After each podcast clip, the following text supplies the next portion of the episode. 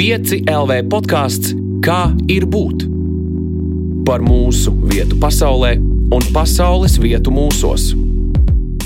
Sveiciens 5 LV podkāstā Kā ir būt? Es esmu Elīna Balskara un mūsu šodienas lielais jautājums ir, vai cilvēki lietas atklāja vai izgudro? Jo varbūt ir tā, ka patiesībā viss jau atrodas mūsu priekšā, un mums ir jāspēj tikai tas ieraudzīt, jeb atklāt, un mēs neko jaunu īsti izgudrot nemaz nespējam. Par izgudrošanu, par to, kad tā nepieciešama un kad nē, šodien es parunāšu ar pētnieku Bristoles Universitātes doktorantūras studentu Anriju Kristiānu Ābeli. Čau, Anrija! Čau, Elīna! Es tevi baigi pieteicu, kā doktorantūras studentu, un es ticu, ka daudziem tas uzreiz rada kaut kādu konkrētu attēlu.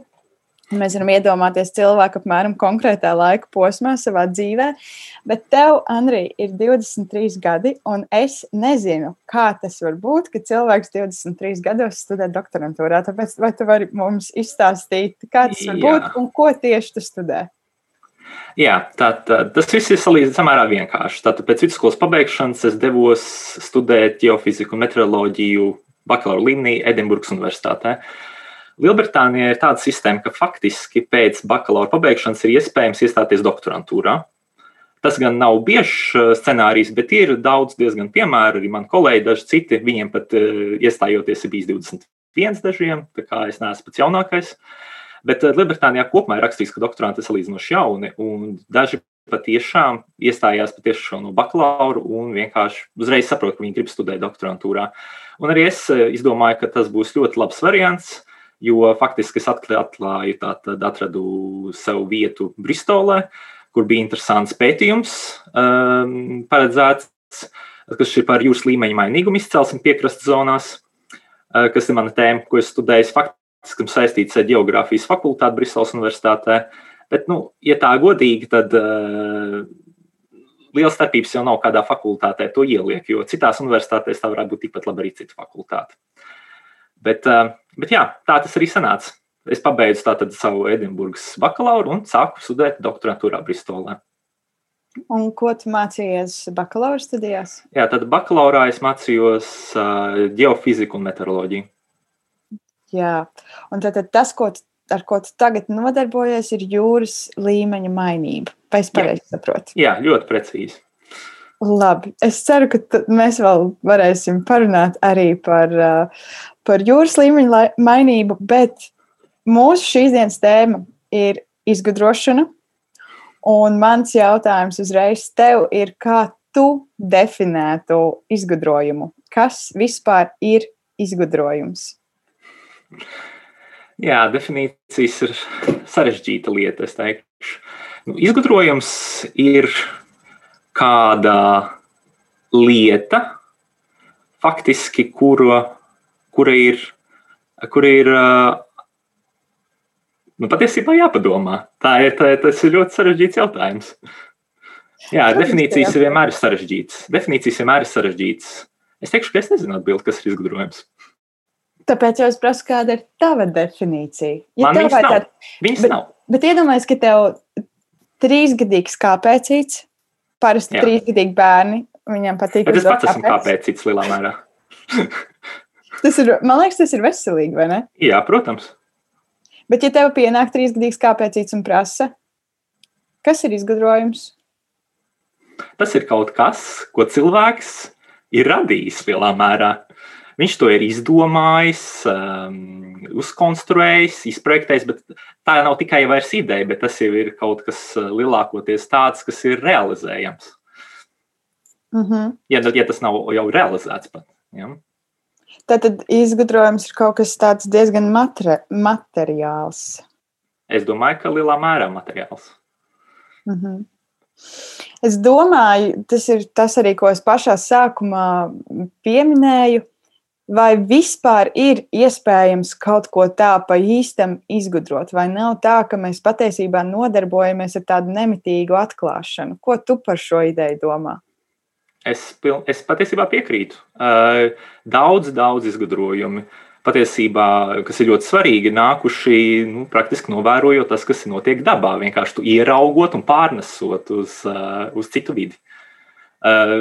Šis process, tie, piemēram, manā pētniecībā arī to starp, mēs ļoti bieži ieraugam kādā citā jomā, citā zinātnē, kādu atklājumu vai kādu, kādu teiksim, matemātisku, īpaši matemātikā, iespējams atrast kādas, kādas teorēmas, teorijas, tātad izmant, kuras var izmantot tālāk, pielietot savā, savā pētījumā, kurš, kurš pavisam par citu jomu praktiski. Ja? Mēs varam, piemēram, to pašu signālu analīzi izmantot, kas ir inženierzinātnēs, varam izmantot tikpat labi arī geogrāfijā. Nu, tā arī faktiski ir tāda kā izgudrošana. Ja mēs, tad tas nebūs tik materiāls, ja, ja mēs izdomājam par izgudrojumu kā par teiksim, patentu. Ja, teiksim, patentēts.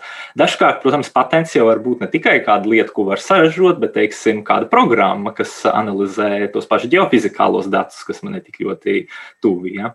Um, Tā kā jā, arī tas ir izgudrojums, protams, kaut kādā zināmā mērā. Cilvēks viņu ir, ir, ir, ir kā saka, to ideju ir noķēris, lai nu kāda viņa būtu nākusi, un sācis viņu pielietot kaut kam, kādam nolūkam konkrētam. Jā, tad tā būtu tā, tā, tā labā definīcija. Varbūt tā arī būtu tā definīcija.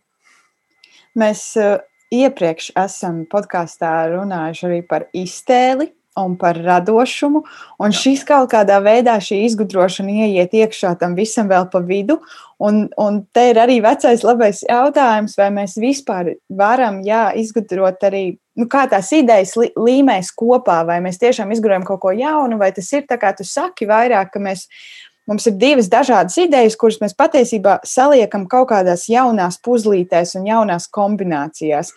Vai mēs varētu teikt, ka visas idejas jau kaut kur pastāv, ka mēs vienkārši viņus līmējam jaunos veidos kopā?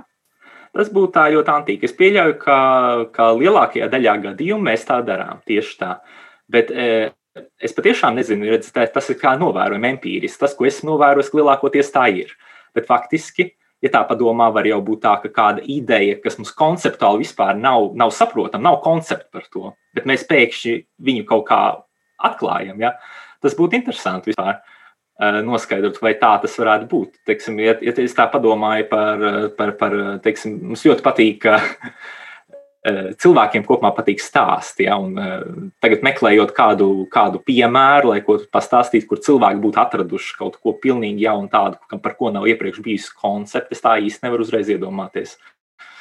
Bet kas tavuprāt ir tie, tie izgudrojumi, kas ir visvairāk mainījuši pasauli? Es teikšu, ka noteikti tranzistori, tātad datori, visas šīs pamatā esošās lietas. Tas noteikti mainīs, vismaz, vismaz šajā, šajā gadsimtā, noteikti tas izraisīs pamatīgas pārmaiņas. Tāda nemaz viss, ko mēs šobrīd darām, nebūtu iespējams bez tā. Un, protams, pirms tam tvaika dzinējs un tā tālāk, vēl tāda industrializācijas ēra. Un, protams, pirms tam vēl metāla apstrāde, un, ja ņemam daudz senākus laikus, un vispār, kā saka, lauksainicība kā tāda arī, protams, pavisam agrīnos laikos. Ja. Nu, jā, visu laiku nepārtraukti cilvēks ir kaut ko tā darīs. Protams, un, un interesanti, protams, droši vien, ka tas ir novērojot, novērojot uh, empiriski un analizējot tālāk šos te novēroto, kā viņi pie šiem nonākuši secinājumiem, ka tā varētu darīt un ka tas dos kaut ko.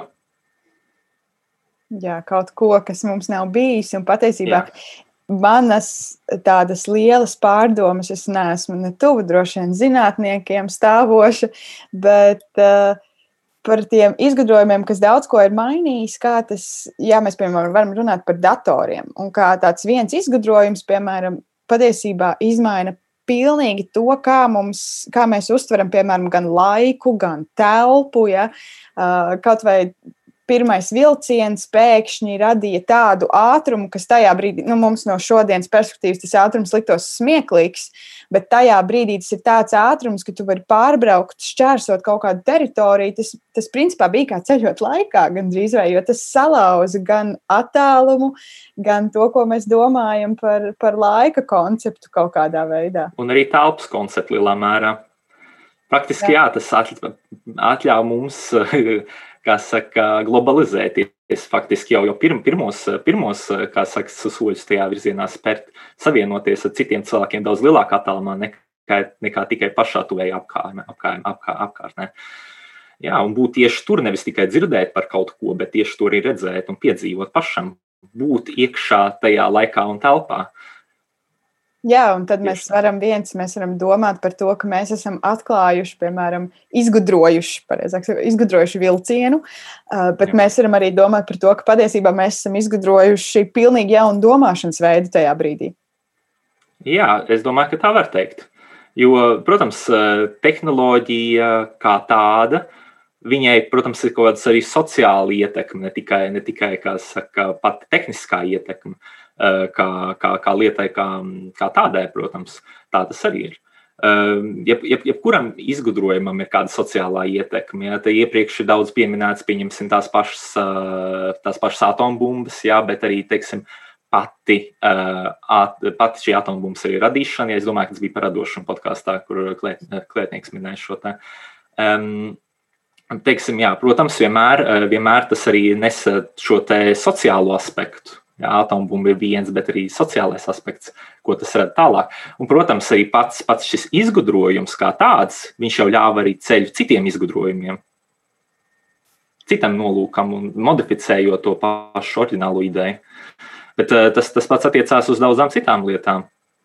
Arī tās tā, tā pašas telefona tehnoloģijas vai tie, tie paši sociālie tīkli, kur tiek lietoti. Uh, Sākotnēji, iespējams, šī ideja bija pavisam cita, komunicēt savu radinieku starpā, un tālāk jau tas kļuva pavisam par kaut ko citu. Tā, tā pati oriģināla ideja, kā izgudrojums, transformējās pats no sevis. E, tā, tā lietotājiem to sākot pielietot, e, iespējams, e, vadītā ceļā no pašiem izgudrotājiem lielā mērā, bet arī, arī spontāni. Mm man tāda sajūta, ka mums ir kaut kāda iekšēja dziņa visu laiku kaut ko atklāt un, un Jā. kaut ko izgudrot. Kā tev liekas, kas ir tas, kas cilvēku iekšā dzen izgudrot? Es domāju, ka tas, protams, ir, ir tas, ka mēs vēlamies pēc iespējas atvieglot dzīvi no vienas puses. Tā ir, tā ir noteikti viens aspekts, kas dzen cilvēku, ir pēc iespējas mazāk patērēt enerģijas, pēc iespējas mazāk uh, izvēlēties to mazāko rezistenci savā dzīvē, ja savam ceļam, lai nodrošinātu to pašu dzīves kvalitāti, vismaz kāda bijusi, vai viņu vēl uzlabotu. Protams. Tas ir, protams, viens, kas dzēna. Otrs ir zinātnē. Ja? Teiksim, tu pat nevari tā izskaidrot ļoti racionāli, kāpēc cilvēki daudz ko dara vispār. Nu, daudzām, daudziem ekstrēmiem, tiem pašiem sporta veidiem, ja cilvēki tos arī dara, bet nu, īsti jau bieži vien tur racionāli izskaidrojumi nav, kāpēc tik ļoti gribētos tur lekt ar izplatņiem un vēl visu ko darīt. Jā, nu, tā arī ir vēlme zināt, ja kā tas ir sajūtu līmenī vismaz. Nu, arī, protams, izgudrojot kaut ko, ir vēlme zināt, kā tas strādās, kā tas būs un, un ko tas var paveikt un ko, ko ar to var paveikt. Bet varbūt ir kaut kādas reizes, kad izgudrošana ir lieka. Jo es eh, pēdējā laikā tajā pašā Instagramā esmu pamanījusi tādus video, kur viens puisis uh, um, ironizē par dažādiem bezjēdzīgiem izgudrojumiem. Es nezinu par iespēju ar kaut kādu drausmīgi sarežģītu aparātu sagriezt ābolu, kamēr patiesībā tu varētu daudz ātrāk un vienkāršāk to vienkārši izdarīt ar nazi. Kā tev liekas, kuras ir tās situācijas, kad mēs varam runāt par to, ka izgudrošana ir lieka, ka varbūt tur ir jau bišķiņi par daudz? Es domāju, ka tādas situācijas ir uh, praktiski ļoti bieži. Mēs to ļoti labi redzam arī, arī politikā, teiksim, uh, valsts pārvaldē. Var daudz, daudz risinājumu šīs pasaules problēmas, kas eksistē, eksistē ļoti daudz kur citur, un mēs izdomājam savus risinājumus, ko patiesībā varam skatīties uz citiem. Protams, uh, arī, arī tajā pašā zinātnē mēs ļoti bieži mēģinām rafinēt kaut kādus modeļus, klimata modeļus, piemēram, pievienot ar viņu jauns un jauns process, bet viņi beigās dod tik minimālu efektu, ka jēgas īsti no tā lielā darba to visu darīt dažkārt nemaz arī nav. Protams, mēs, tas, tas dod, dod tādu iespēju pierādīt, ka, redziet, šādi arī var kaut ko izdarīt, un ka, redziet, tas arī strādā. Um, Es domāju, es domāju, ka no vienas puses te, te, te noteikti šādiem izgudrojumiem, kā, kā tur abulis malcinātājiem, kurš ir ļoti sarežģīts, uh, viņam varētu būt vairāk, vairāk šī vēlme sev pierādīt pašam izgudrotājam, kā viņš var izstrādāt šādu ļoti sarežģītu ierīci, un lūk, viņi strādājoši, viņi strādā un, un var to pielietot pašapliecināšanās, teiksim.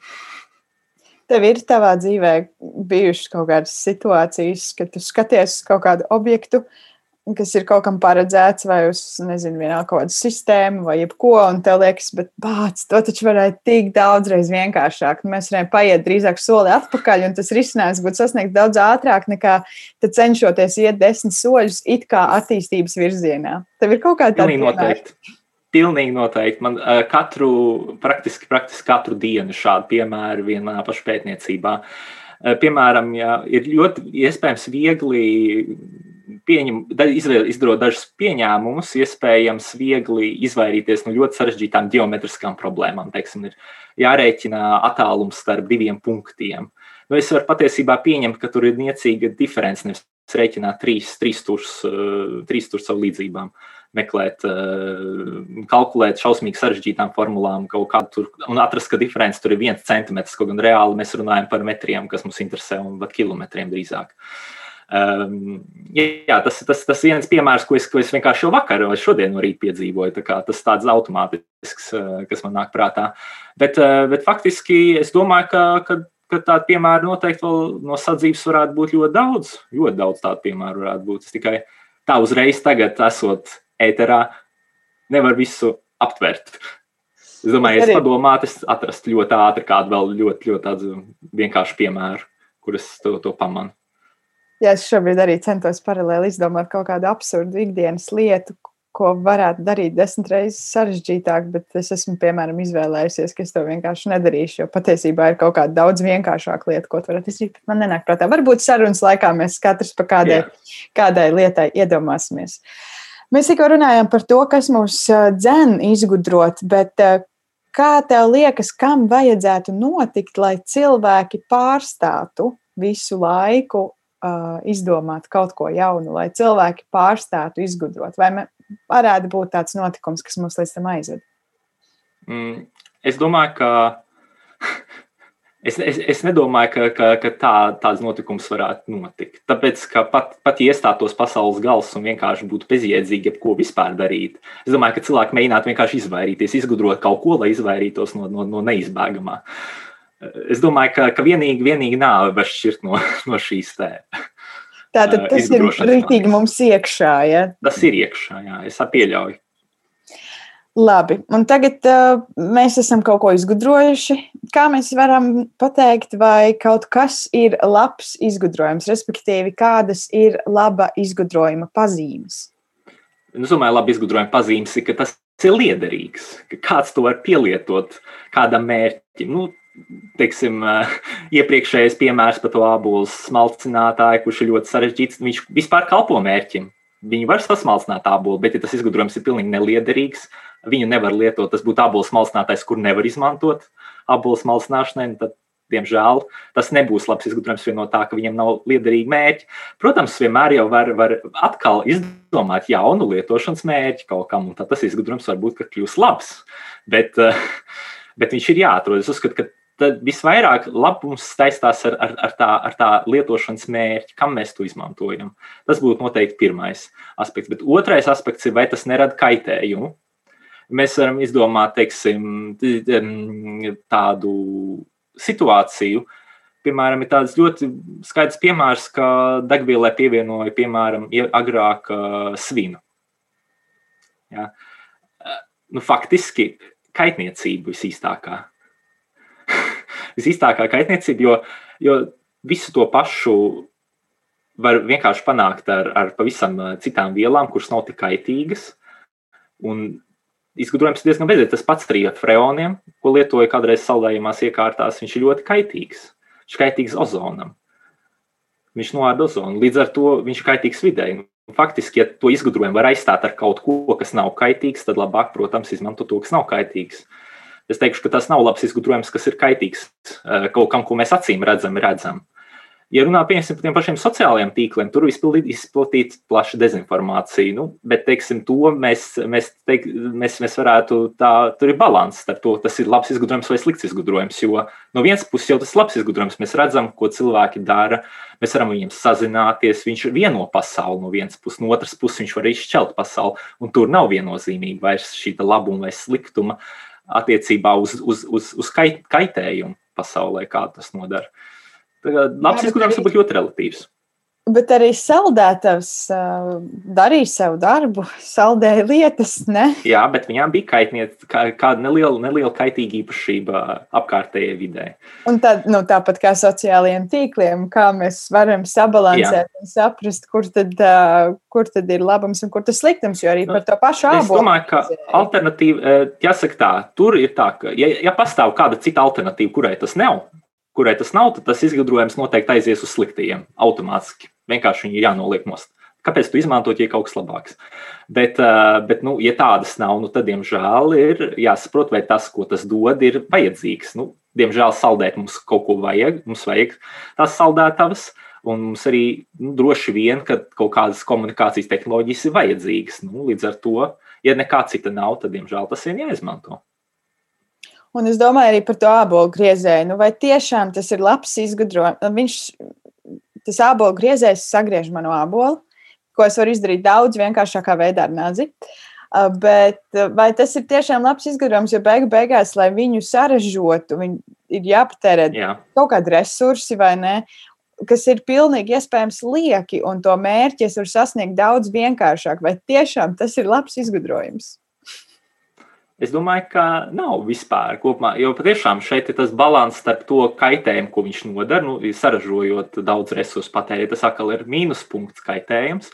Labums tad ir tas viens, bet atkal mīnuspunkts, atkal kārtējais ir, ka alternatīvs risinājums ir sagriezt vienkāršāk ar nāzi. Nu, tad skatās tos mīnusus un plusus, ja skatās, ka tur ir alternatīva un viņam ir diezgan daudz mīnus, tad tomēr varētu aizslieties uz to negatīvo pusi, uz slikti izgudrojumu pusi. Es domāju, tā, tā, tā to varētu definēt, kur ir pluss, mīnus, cik stipri un vai ir alternatīva. Jā, tā es definētu. Katrs izgudrojum, katram izgudrojumam jāizveic liels izvērtēšanas process, lai mēs spētu atzīt, vai tas ir labs vai slikts. Bet um, par tiem izgudrotājiem pašiem, vai visi zinātnieki ir izgudrotāji un otrādi, vai visi izgudrotāji ir zinātnieki, un ar ko atšķiras vispār zinātnieks no izgudrotāja? Tas ir interesanti. Jā, atkal. Tās definīcijas vienmēr ir ļoti sarežģītas. Mēs varam iet gāri un plaši, vienkārši semantikā, katra, katra vārda eh, nozīmē.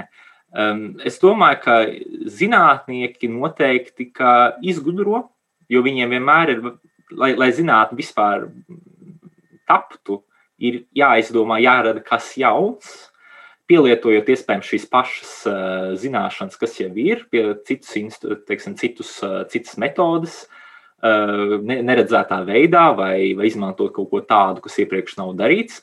Tā kā faktiski jau tas ir izgudrojums, tas, ko viņi vienmēr, kā, tas tā lieta, kā viņi, kā viņi nonāk līdz šiem rezultātiem un atklājumiem, lielā mērā ir izgudrojuma rezultāts. Ja runā par izgudrotājiem, nu, daudz izgudrotāji ir bijuši zinātnieki, bet es nedomāju, ka visi varētu tikt uzstīta zinātniekiem. Nu, tādā tīri definīcijas nozīmē, eh, viņi, protams, ir veikuši novērojumus, kas sakrīt noteikti abās, abās grupās. Eh, šie novērojumi, kas ir veikti, nu, teiksim, viņiem ir šie dati, eh, Tad viņi analizējuši, acīm redzot, ka veidojuši šo izgudrojumu noteikti arī kādus datus, tā kā kaut kāds zinātniskais process ir noticis, ir veidojuši hipotēzes, meklējuši pierādījumus un droši vien atmetuši. Tā kā zinātniskais process notiek kopumā. Kopumā notiek. Bet daži izgudrotāji, es domāju, ka tomēr izdomājot, piemēram, kaut kādu, paņemot gatavu, gatavu kādu, kādu, kādu ierīci, kur pielietot nedaudz citiem nolūkiem. Viņi nav veikuši varbūt nekādu analīzi par to, kāpēc tā vajadzētu darīt. Vienkārši mēģina, mēģina darīt, viss lietojam. Nu, es domāju, ka nevienmēr tādā ziņā. Bet pie zinātnes vienmēr ir kaut kas jāizgudro. Nu, citādi nebūs, visdrīzāk nebūs, uh, nebūs, nebūs tā, tā, tā jaunrada tajā visā. Un, ja tā nav jaunrada, tad jau tas ir, kā saka, vienkārši lielā mērā atkārtošanās, eh, testēšana jau tā, kas ir atklāts. Tad tas nav jaunatklājums. Un kurš, tavuprāt, ir visu laiku vislabākais izgudrotājs? Vai cik sarežģīts jautājums? Tur ir tā. jādomā. Man patiešām grūti. Es, es nevaru izcelt vienu personu, jo es domāju, ka tās vienmēr ir bijušas diezgan saistītas plašā tīklā, eh, cilvēku tīklā, kas ir viens otru iedvesmojuši. Līdz ar to vienu personu izcelt, es domāju, nebūtu īsti pat ētiski. Nu, mums jau var būt kaut kāda favorīta. Kādreiz. Favorīti, jā, favorīti, diemžēl tā ir. Jā, es, es mēģinu būt objektīvs, tāpēc es mēģinu saka, neveidot favorītus. Īpaši, īpaši ņemot vērā, ka tas ir lielā mērā arī bijis kolaboratīvs pasākums. Nu, ja tā, bet patiešām es, es, es tiešām nevaru atbildēt, kurš ir visģeniālākais, vislabākais izgudrotājs. Es domāju, ka visi izgudrotāji, kurie, kuru devums mūsu pasaulē ir, kā saka, šobrīd redzams, nu, viņi ir bijuši ļoti labi jau. Ja jau mēs viņus atceramies, tad, tad viņi ir lieliski paveikuši darbu. Nu, varbūt. Bet arī, protams, ar izņēmumiem, jo atsevišķi mēs pēc tam saprotam, ka patiesībā retrospektīvi skatoties, kas bijis, mēs saprotam, ka tas, ko viņi ir izdarījuši, ir briesmīgi. Varbūt. Jā, tas izgudrojums varbūt ir bijis pavisam, pavisam nu, veltīgs. Viņš varbūt nav, bet nu, viņš ir savā laikā kalpojis, bet šobrīd jau nu, nedara. Nu, jā, diemžēl tā, tā tas ir. Jā, es neizcelšu nevienu. Bet tu pats, kas esi vairāk, tu esi vairāk atklājējs vai izgudrotājs? Es domāju, ka es vairāk esmu izgudrotājs. Es mēģinu vienmēr kaut ko um, vienkārši manuāli likt iekšā un pēc tam skatīties, vai sanāks. Mm -hmm. Vai sanāks? Jā, bet, uh, bet, protams, es to visu mēģinu ielikt tādā struktūrā, lai tas būtu zinātnisks process kaut kādā mērā, un tad, tad tiešām pamats, lai būtu atklājums tam būtu. Jā, lai kaut ko atklātu. Bet nu, tā, teiksim, es arī daru diezgan daudz, ko vienkārši saliekot iekšā lietas, ko esmu pamanījis vai, vai padomājis par to, kā tas varētu ļoti labi derēt šajā nolūkā. Jā. Tu pirms tam mēs runājot par, par zinātni un par izgudrošanu, tu pieminēji jaunradi un cik svarīga zinātnē ir jaunrade. Un te jautājums, kurš mums jau ir bijis, bet uh, lai iet vēlreiz, jo tu pie mums neesi bijis. Jā. Kas pasaulē ir devis vairāk, māksla vai zinātne? Kas ir izgudrojis vairāk priekš uh, pasaules? Nu, es teikšu, ka viņi ir devusi katrā, katrs uh, savā jomā. Uh, pie, teiksim, e, es pat teikšu tā, vienlīdz tikai katrs savā jomā. Uh, ja, ja, ja runā par uh, estētiku, par, par, par, par, tātad par, par sajūtām, jā, par sajūtām, par to, kā cilvēks var nodot un salīdzināt šīs sajūtas, tad māksla noteikti ir līderi. Jo es patiešām tās, tās, tā, tā, tā noteikti, noteikti būtu, būtu māksla, kas dod šo. Savukārt, ja runā par, par šo materiālu lietu pasauli, nu, zinātnē, protams, ir, ir ļoti liela devuma veikusi, lai mums vispār viss, kas mums apkārt šeit ir, būtu. Mm. Tā kā viņas vienlīdzīgas tikai dažādas jomas. Jā, un, un šeit uh, bišķiņi arī domājot atkal jaunā griezumā par izgudrošanu, uh, mani interesē, kāds ir tavs viedoklis par to, kas ir vieglāk - atklāt patiesību vai izgudrot nepatiesību. Šajā, man liekas, dezinformācijas laikmetā šis ir ļoti aktuāli. Es teikšu, ka izgudrot nepatiesību un atklāt patiesību ir vienlīdz grūti. Jo izgudrot nepatiesību tam stāstam ir jābūt nu, ļoti praktiski veidotam saskanīgi. Ja nebūs saskanīguma, tad viņš izgāzīsies nekavējoties, tad to patiesību būs ļoti viegli atklāt. Vienā sakot, balans ja, ja, ja, ja, ir, ja ir labi izveidots un ļoti liels ieguldījums šajā nepatiesības uh, izstrādē ieguldīts, tad to patiesību atklāt ir no tikpat grūti. Cik viņu, cik, cik atklāt patiesību, kad, kad šis melu stāsts ir izdomāts. Bet uh, savukārt, ja viņš ir maz, ja bijis maz ieguldījums tajā, tajos melos, nu, tad tā, tā patiesības atklāšana jau no tā ir jau daudz, daudz vieglāka ja kaut kas nesakrīt ar, ar to, ko mēs jau esam iepriekš dzirdējuši un pieņēmuši, tad mēs uzreiz esam trau, tramīgi. Mēs, eh, mums ir daudz trauksme, kas tas ir, kāpēc tas nesakrīt ar to, ko mēs jau zinām. Nu, tad automātiski mēs, eh, mēs kļūstam ļoti, mēs aizdomājamies. Tas rada aizdomas, ka kaut kas nav kā vajag. Un tad nu, to atklāt to, to patiesību, tad kļūst vieglāk, protams. Kādā mēs mēlus vispār varam saukt par izgudrojumu? mm, izgudrojums. Nu, nu, ja, ja mēs tā definējam, ja atkarībā no tā, ko mēs definējam ar izgudrojumu, ja katram definīcija izgudrojuma atšķirās, nu, protams, kādā definīcijā meli noteikti ir, jo tas arī ir kas radīts, vai viņš var būt nemateriāls vai materiāls. Nu, jā, kaut kas radīts, tas ir. Meli noteikti radītājs, tas ir stāsts, kuram noteikti ir kaut kāds mērķis, kā jau mēs minējām, mērķis viņam noteikti ir. Nu, tad tādā gadījumā pēc tās definīcijas skaitītos. Un tagad, pievēršoties pilnībā, mēs aizējām, aizmirstam nedaudz zinātnes pasauli, bet paturam prātā izgudrojumu. Kā izgudrot sevi, kā cilvēku? Es domāju, ka tas būtu saistāms ar to, ka sev var izgudrot kā modeli. Veidot modeli, sevis modeli. Tās svarīgākās īpašības, tie novērojumi, ko mēs novērojam sevī, nu, es domāju, ka mēs katrs varam novērot tā pašu reflektējot kaut ko, kas mums ir raksturīgs. Nu, tad izveidot modeli uz šīs bāzes. Nu, tad tas būtu faktiski tas modelis, būtu tas mūsu sevis izgudrojums, tas kā virtuāls es, kurā ir visas tās īpašības, kas mums ir, visa struktūra, kāda mēs to iztēlojamies, vai, vai, vai varam uztvert no, no tā, ko mēs darām un kā mēs, kā mēs sevi uztveram. Uh, Nu, tad, attiecīgi, izveidojās šāds virtuālais es un otrais modelis, un mēs esam sevi izgudrojuši. Nu, varbūt tā. Bet, protams, varbūt cits ideja. Ko nozīmē, jo redzi, atkal nākamais, nākamais aspekts ir tas, ka mēs vārdiem dodam. To varbūt jāsaka, kā jau esam izgudrojuši sev, bet es saprotu pavisam ko citu. es izgudroju arī definīcijas. Kad es atziedu šos vārdus, es izgudroju šīs definīcijas. Es viņas atkodēju kā to, ko esmu pats izgudrojis. Nu, tādiem žēl ir. Tas nav ļoti objektīvi, bet tā ir. Un par cilvēku izgudrošanu turpinot, es arī prātoju kaut kā pirms mūsu sarunas, ka mēs reizēm izgudrojam citus cilvēkus. Respektīvi, mēs pieņemam kaut mēs novērojam, kā tu saki, ja mums ir kaut kāda pieņēmuma, un tad mēs bišķiņi izgudrojam, kāds tas cilvēks kopumā ir. Respektīvi, mēs izveidojam kaut kādas expectācijas vai citādi.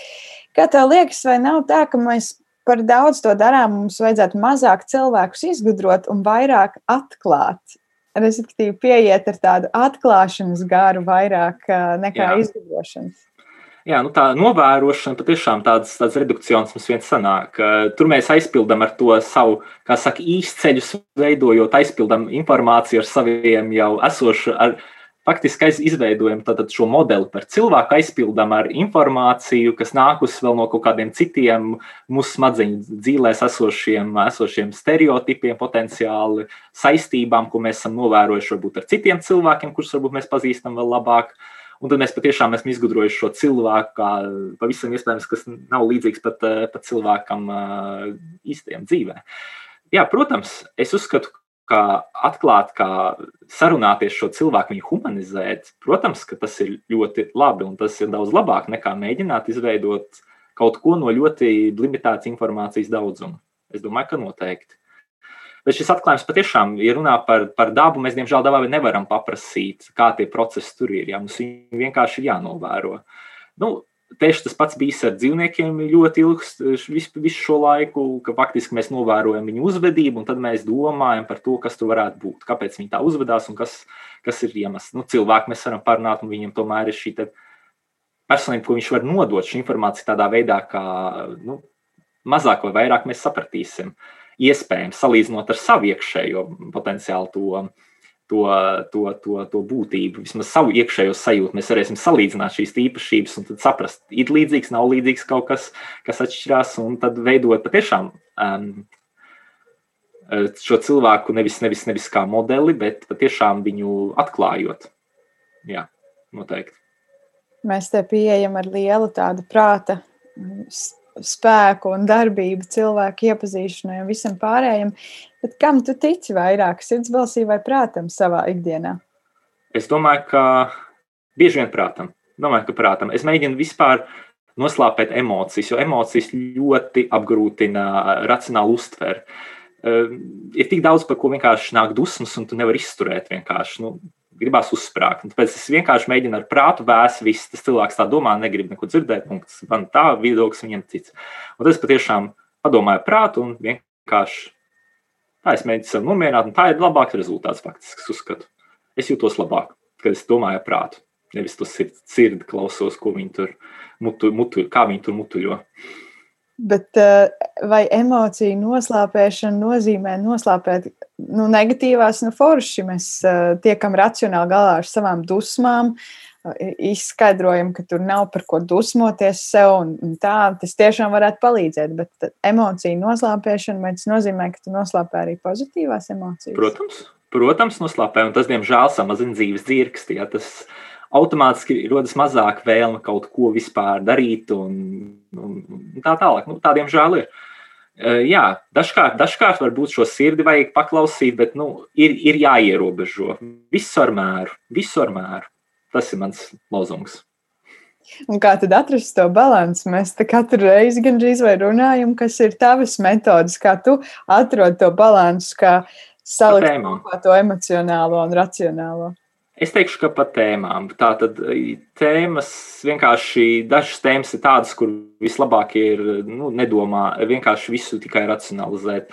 Nu, piemēram, tāpat klimata pārmaiņas. Nu, lasot visu to, ko cilvēki mēdz rakstīt, vienkārši labāk ir ņemt un racionāli skatīties to un emocijas slāpēt. Nu, teiksim, ja runā par sadzīvi, tad, protams, ka tās eh, emocijas nu, ir ļoti bieži vajadzīgas. Nu, citādi būs ļoti grūti ka vispār piecelties no gultas un kaut ko iet sākt darīt. Tur nevajag tās emocijas tik ļoti slāpēt. Ja kaut kas nepatīk, ir labi paraudāt, ir labi, kā saka, nebūt, nebūt kā saka, vienaldzīgam pret visu, kas šajā dzīvē notiek. Bet, protams, tā, kad, tagad mēs runājam par eh, zinātnē vai, vai par savu darbu, nu, tu, tur tas racionālais, protams, palīdz sakopot domas un radīt kādu virzību, nevis tikai viņāties apkārt, uzvir, dusmu uzvirdumos, izvirdumos. Tu pieminēji klimata krīzi, un tā ir vēl viena tēma, ko, par kuru es ļoti vēlos ar tevi parunāt. Tīpaši, ja ņemot vērā, ka tu tā vairāk tur kaut ko varētu saprast un, un zināt, un, un, un ar to arī darbojies. Kā tu raugies un kā tu skaidro, vai pandēmija, kurā mēs šobrīd visi esam nedaudz ieslocīti, ir klimata krīzes simptoms, vai tā ir vienkārši tāda katastrofāla sagadīšanās, kas ir notikusi pasaulē? Nu, es domāju, ka mm, abi divi kopā, jo faktiski cilvēks ar dabu nonāk lielākā kontaktā, ja mums ir lielāka populācijas blīvums, mums ir lielāks spiediens uz dabisko dabu. E, daudzos pasaules reģionos tas palielinās ievērojami, mums ir lielāks kontakts līdz ar to saviem dzīvniekiem, kur tad ir šie rezervuāri potenciālie. Protams, ka tur pandēmijas varēja nebūt, ja būtu pavisam cita oficiālā pieeja, tātad politiskā pieeja šim visam. Diemžēl tas ļoti sasaucās, jo arī klimatu ignorē tikpat ļoti, ka es domāju, ka tā, kad būs jau pa vēlu, tikai tad sāks kaut ko arī darīt. Un tad tie risinājumi būs ļoti līdzīgi kā Trumpa Amerikā, kur pandēmijas galvenais ierocis tikai farmakoloģiskie līdzekļi un vakcīnas, un viss pārējais tiek aizmirsts, gaidām vakcīnu un viss. Un tas pats būs ar klimata krīzi. Izdomās geoinženierija, tā tad, tad iz, izsmidzinās stratosfērā kādu pulverīti, kurš padarīs Zemi, kā saka, gaišāku, saule atstarosies, samazināsies, starojot tad, daudz, tas, tas enerģijas daudzums, kurš ienāk iekšā, un līdz ar to pasaules kļūs vēsāka. Bet, protams, ka tas viss ir tāds burbuļu nūjiņš, neeksistē tas viss sasaucās, un arī, protams, tā pandēmija sasaucās politiski ļoti spēcīgi ar klimata krīzi, un, protams, arī viņas cēloņi sasaucās. Jo faktiski mēs esam ļoti globalizēta pasaule, un tieši šī globalizācija ir lielā mērā. Mums ir, mums ir tāds dzīvesveids, kas ir eh, ļoti energoietilpīgs, un mēs faktiski lielu daļu enerģijas iegūstam no šiem fosiliem resursiem resursiem. Tos mēs dedzinām, un tad mēs radām emisijas, CO2 emisijas un daudz citas siltumnīcas efekta gāzes. Nu, kuras, protams, atkal, atkal ir tas klimata krīzes izraisītājs, un, protams, šī globalizācija ir arī saka, cilvēku apmaiņas izraisītājs. Cilvēki tāda pārvietojās un iepārnēsā līdz arī savas slimības. Nu, lūk, tātad abi šie divi kopā, protams, aspekti arī, arī ir, ir, ir tie, kas ir liels izaicinājums faktiski faktiski jau mums ir jā, jādomā, kā, kā mēs varam turpināt, teiksim, būt globālā pasaulē. Ar citi, tā, tā, lai mēs nepiesārņotu vidi tajā ziņā, ka mēs neradītu tik daudz siltumnīcas efekta gāzu izmešus.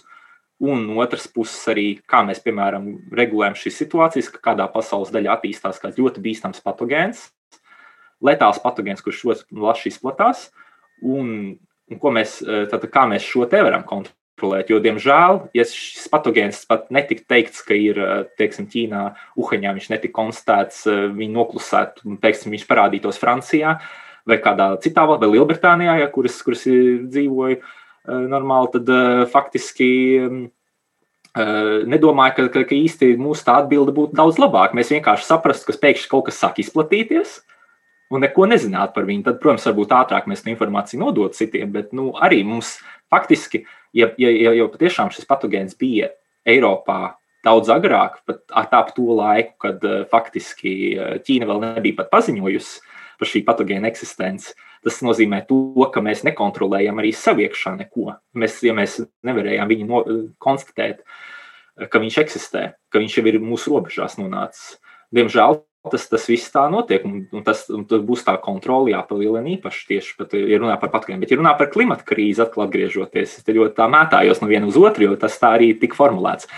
Tad faktiski tie risinājumi ir diezgan skaidri. Zinātnē tā ir diezgan skaidrs. Es teikšu, ka varbūt pat skaidrāk nekā rīcībā, ko darīt, ja ir šāda pandēmija. Sociāli daudz, daudz risinājumu ir tikai praktiski atkarīgi no politikas šobrīd tā viss ir lielā mērā politika, jo zinātnē, protams, uzlabo un uzlabo kaut kādas eh, zināšanas par to, kas konkrēti varētu būt un cik tas ir ticami, ka tas varētu notikt.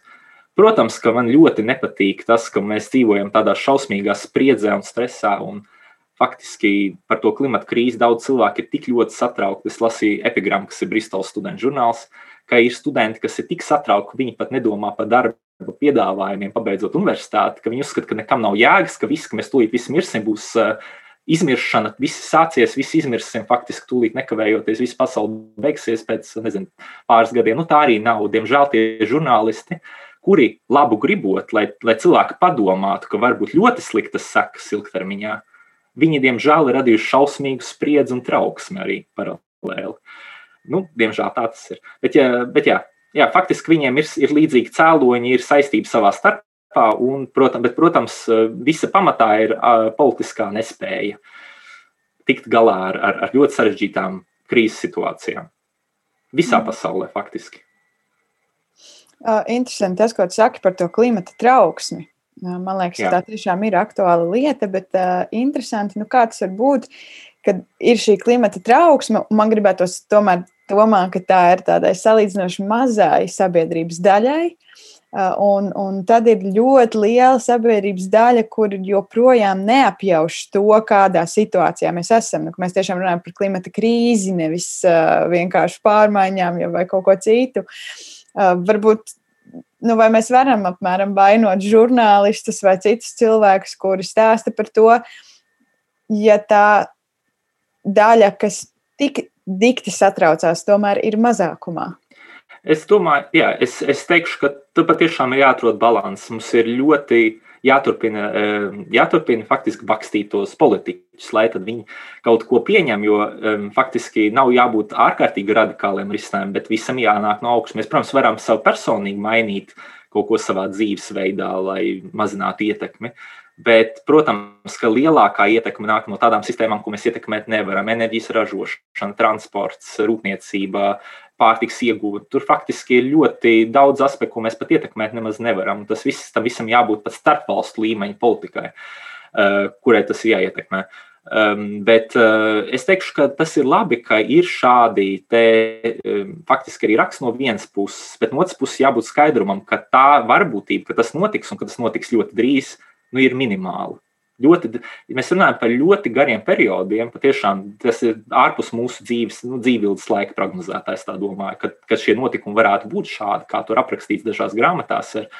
Um, bet uh, tas ir jāskaidro. Vienkārši ir jābūt tam skaidrumam. Cilvēki, kas patiešām ļoti uztraucās un to ņem ļoti burtiski, tad viņi varētu saprast, ka tas gluži nav tas, kas obligāti notiks. Tam, tas notiks varbūt kaut kad, un arī tikai tad, ja atkarībā no tā, kā patiesībā zinātne kā mēs noskaidrosim, cik, eh, cik liela varbūtība tam ir un tad eh, konkrētāk. Ja?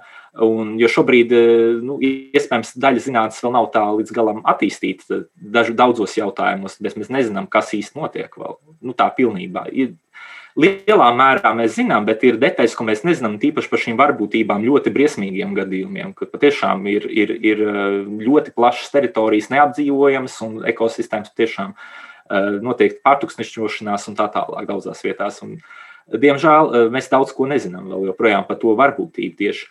Bet skaidrs tas, ka, ka domāju, ir jāskaidro gan žurnālistiem, gan zinātniekiem, un arī politiķiem ir jāskaidro, ka tas viss ir ļoti svarīgi un ka tas viss attiecās Bet tas sasaucās faktiski ar jebkuru politiskā spēka uzstādījumu, lai tas būtu labējs vai kreiss. Labējiem noteikti tas būs par, par turpinājumu, par, par šo te, par šo nācijas, nācijas turpmāko vidi, kur viņi dzīvos. Tā ir jāsargā. Es domāju, ka, ka konservatīvisms šajā ziņā viņiem nevajadzētu būt nekādai opozīcijai faktiski pret vidas saglabāšanu tādu, kāda tā ir šobrīd.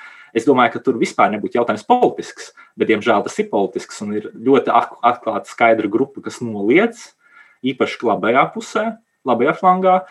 Un, protams, ir grupa, kas taisa šausmīgi lielu troksni, lai mēģinātu politiķus eh, sapurināt. Kreisajā flangā ļoti bieži tā tas ir.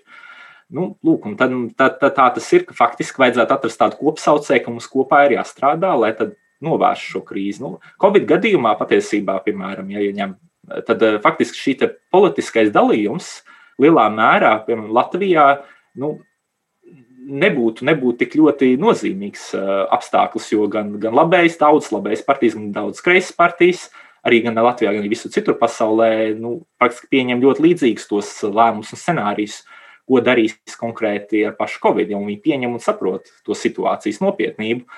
Bet, uh, diemžēl, visās flangos eksistē atkal kaut kāda izņēmuma, gan kreisā, gan labējā. Un valsts daudzas netiek galā gan labējas, gan kur kreisas valdības. Nu, līdz ar to tas pat nav šis jautājums.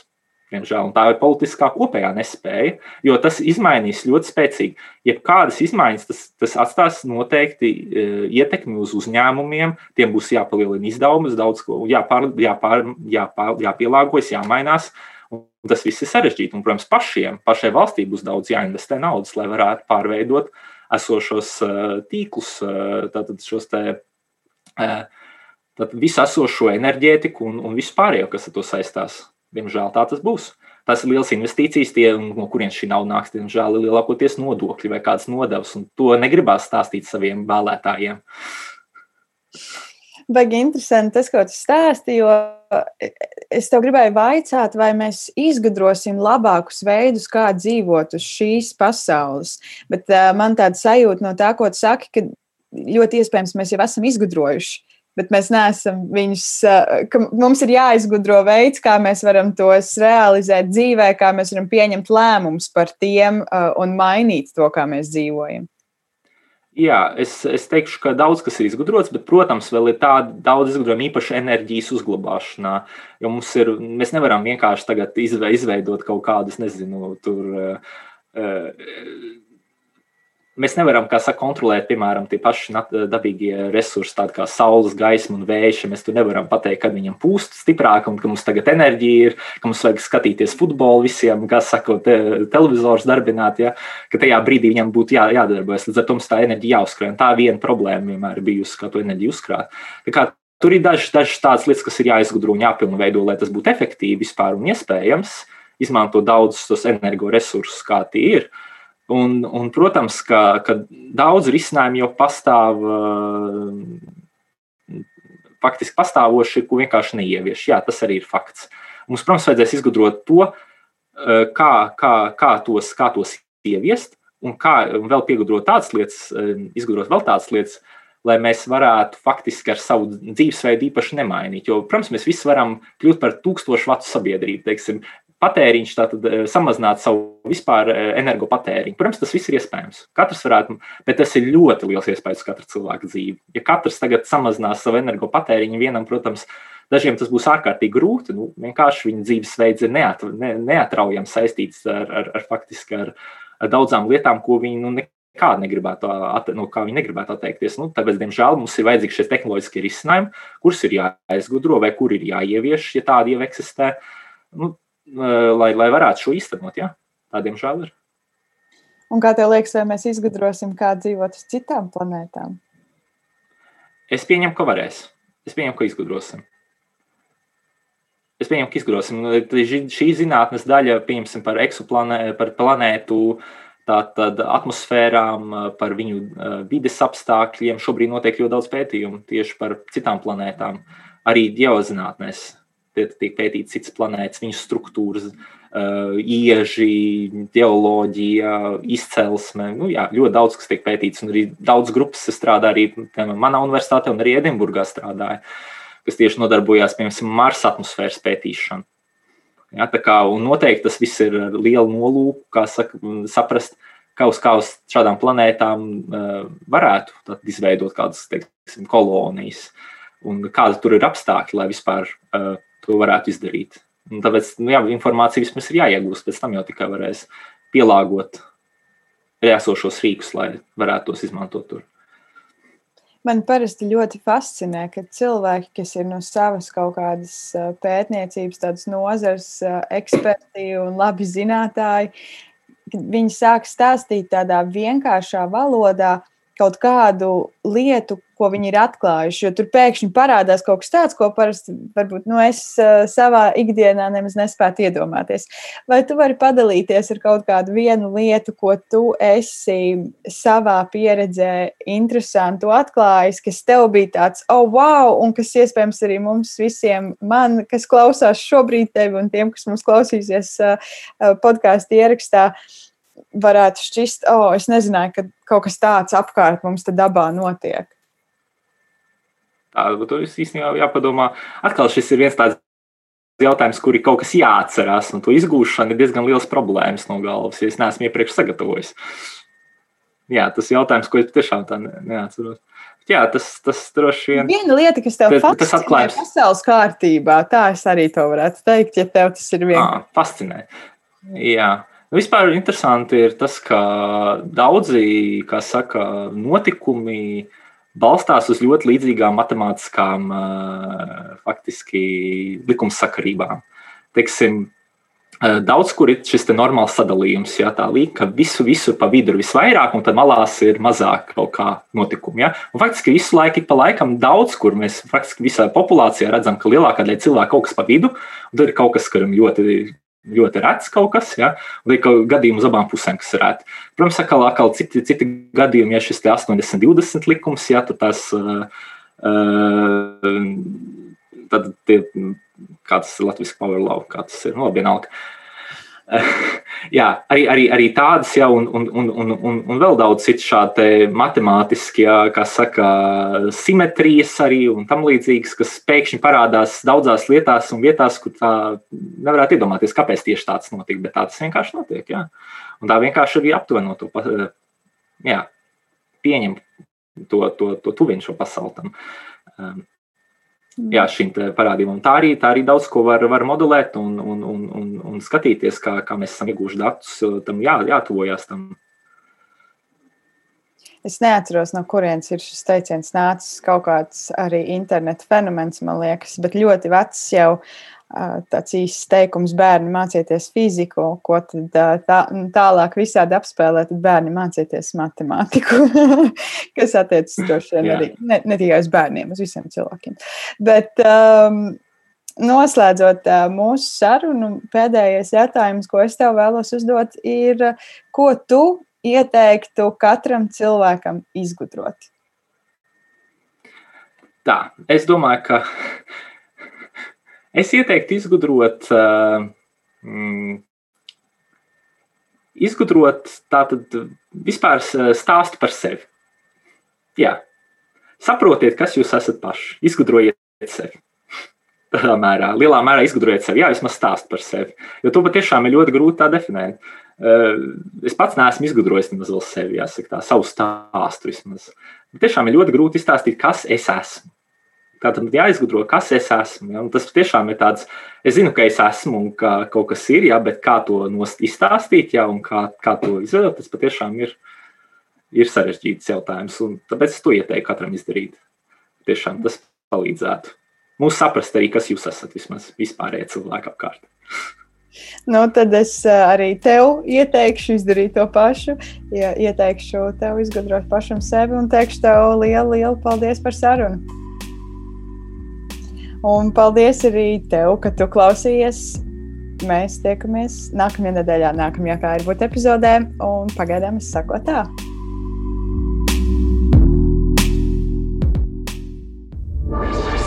Projekts tapis ar Eiropas parlamenta finansiālo atbalstu.